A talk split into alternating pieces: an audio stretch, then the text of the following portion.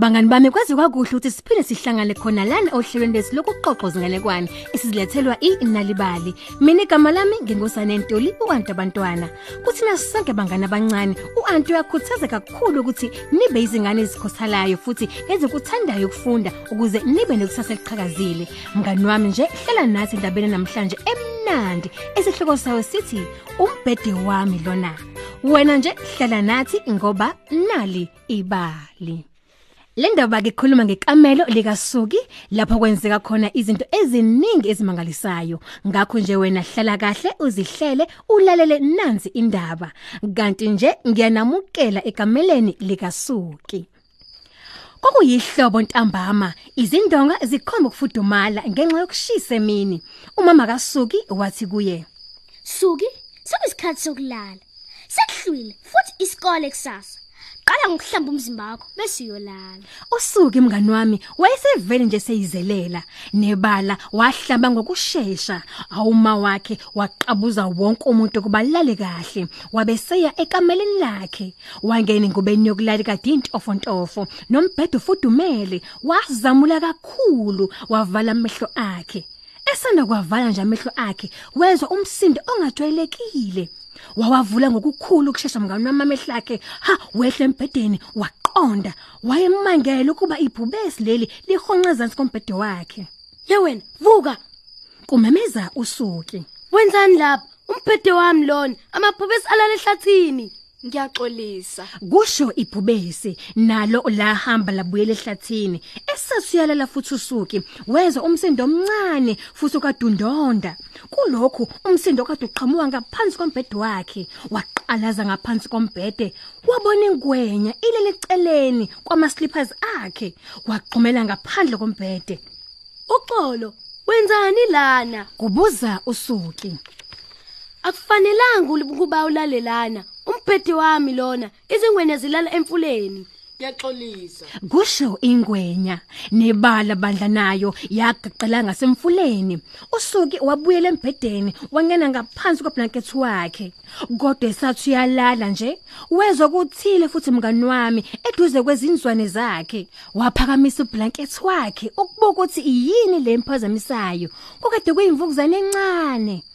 Angimele ulalelana. Umbhede wami lona, izimvukuzane zilala ngaphansi emgodini. Ngiyaxolisa. kuphendula imvukuzane. Nayo bandla yabuyela emuva lapho ihlala khona. Usuki walala ebeka nje ikhanda lakhe phezulu kwephilo. Esathi uyalala. Wabona okuthile futhi okade kulenga ekhabetheni nezingubo zakhe. Lekade liseduze kombhede wakhe. Kokade kuyilulwane. Akumele ulalelana. kumemeza usuki. Umbhede wami lona, amalulwane alala emgedeni.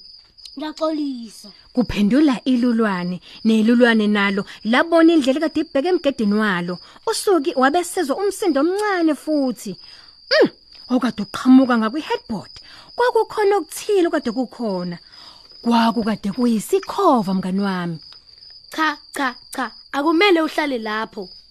Umbhede wami lona, izikhova zilala emphoshongweni wezihlahla.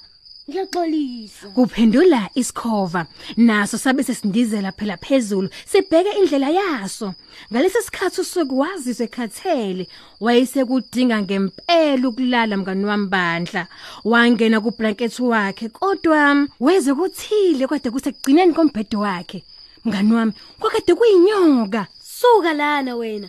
Angimele ulalelana. Umbhede wami lona, izinyoka zilala ezihlahleni noma emgodini. Ngiyaxolisa. Suki. kusho inyoka ekade singcengce nayo ifuna ukuthola umgodi wayo ngempela abantu usuki wayesekhathele futhi esanele Nina nonke zilwane. Noma ngabe ungubani noma uqhamukapi. Umbhede wami lona, hambani ezindaweni zeni niyolala manje. Izilwane zasala kwaba imvubu, indlovu, amagundana amathathu kanye nezindlulamithi ezine. Siyaxolisa, siyaxolisa ngempela. Bonke basho kanye kanye nebala zathi seziphuma ekameleni ukuthola phela indawo yokulala. Ekugcineni usuki uzokaphumule bandla kulomsebenzi ongaka. Waqala ufike lobuthongo. Ha Kusenjalo nje bangani bami kwaba khona umsindo othile okade ukwebha oduqhamuka ewindini. Yini ke futhi manje? kwakukhona zonke izilwane ngaphandle wendini lakhe Silambile silambile. zasho zonke umkanye ngakho usuki waqhumela ngaphandle kombhedo wakhe waqonda ekitchen ukuyothola ukudla phela ezokunikeza izilwane ngesikhathi evuka umama kasuki ngakusasa kuseni ukulungisela phela isikole wabuza kanje Ulale kahle. Cha, bengimatasatasa ubusuku bonke. Benginokuningi ebengikwenza ngize ngalala sekuzosa. umama wakhe wambuka nkosami sakusolo okuthile phela wengabazi ubusukana abanabo usuki. Kwazise phela ukuthi ubusuku bukasuki babukade bongafani noba muntu. Kanti emngani wami uma nje wena ufikelwa kwesabulele ebusuku ungavusa omdala ukuba kunakekele ukuze ulale ngokuthula ngaphandle nje kuba novalo kanye nokwesaba ukuze ngakusasa ukulungele ukuya esikoleni. Asibonge kunina nonke nihlele nathi nalela kanye nathi futhi indaba namhlanje silethelwa iNalibali. Kanti sisaqhubeka nokukhuthaza umkhuba omuhle wokufunda izincwadi. Siphinde sifundele nabantwana bethu izincwadi ezibalingene. Kanti ezinye usengazithola ngokungena kwiwebsite yethu ethi nalibali.mobi ngomakhala ekhukhwini wakho. Kanti izindaba uzozithola mahala ngolimi lwakho lwebele. Noma thola ikhophi nalibali njalo ngolesithathu ephepheni lakho iThe Times. Ni sale kahle.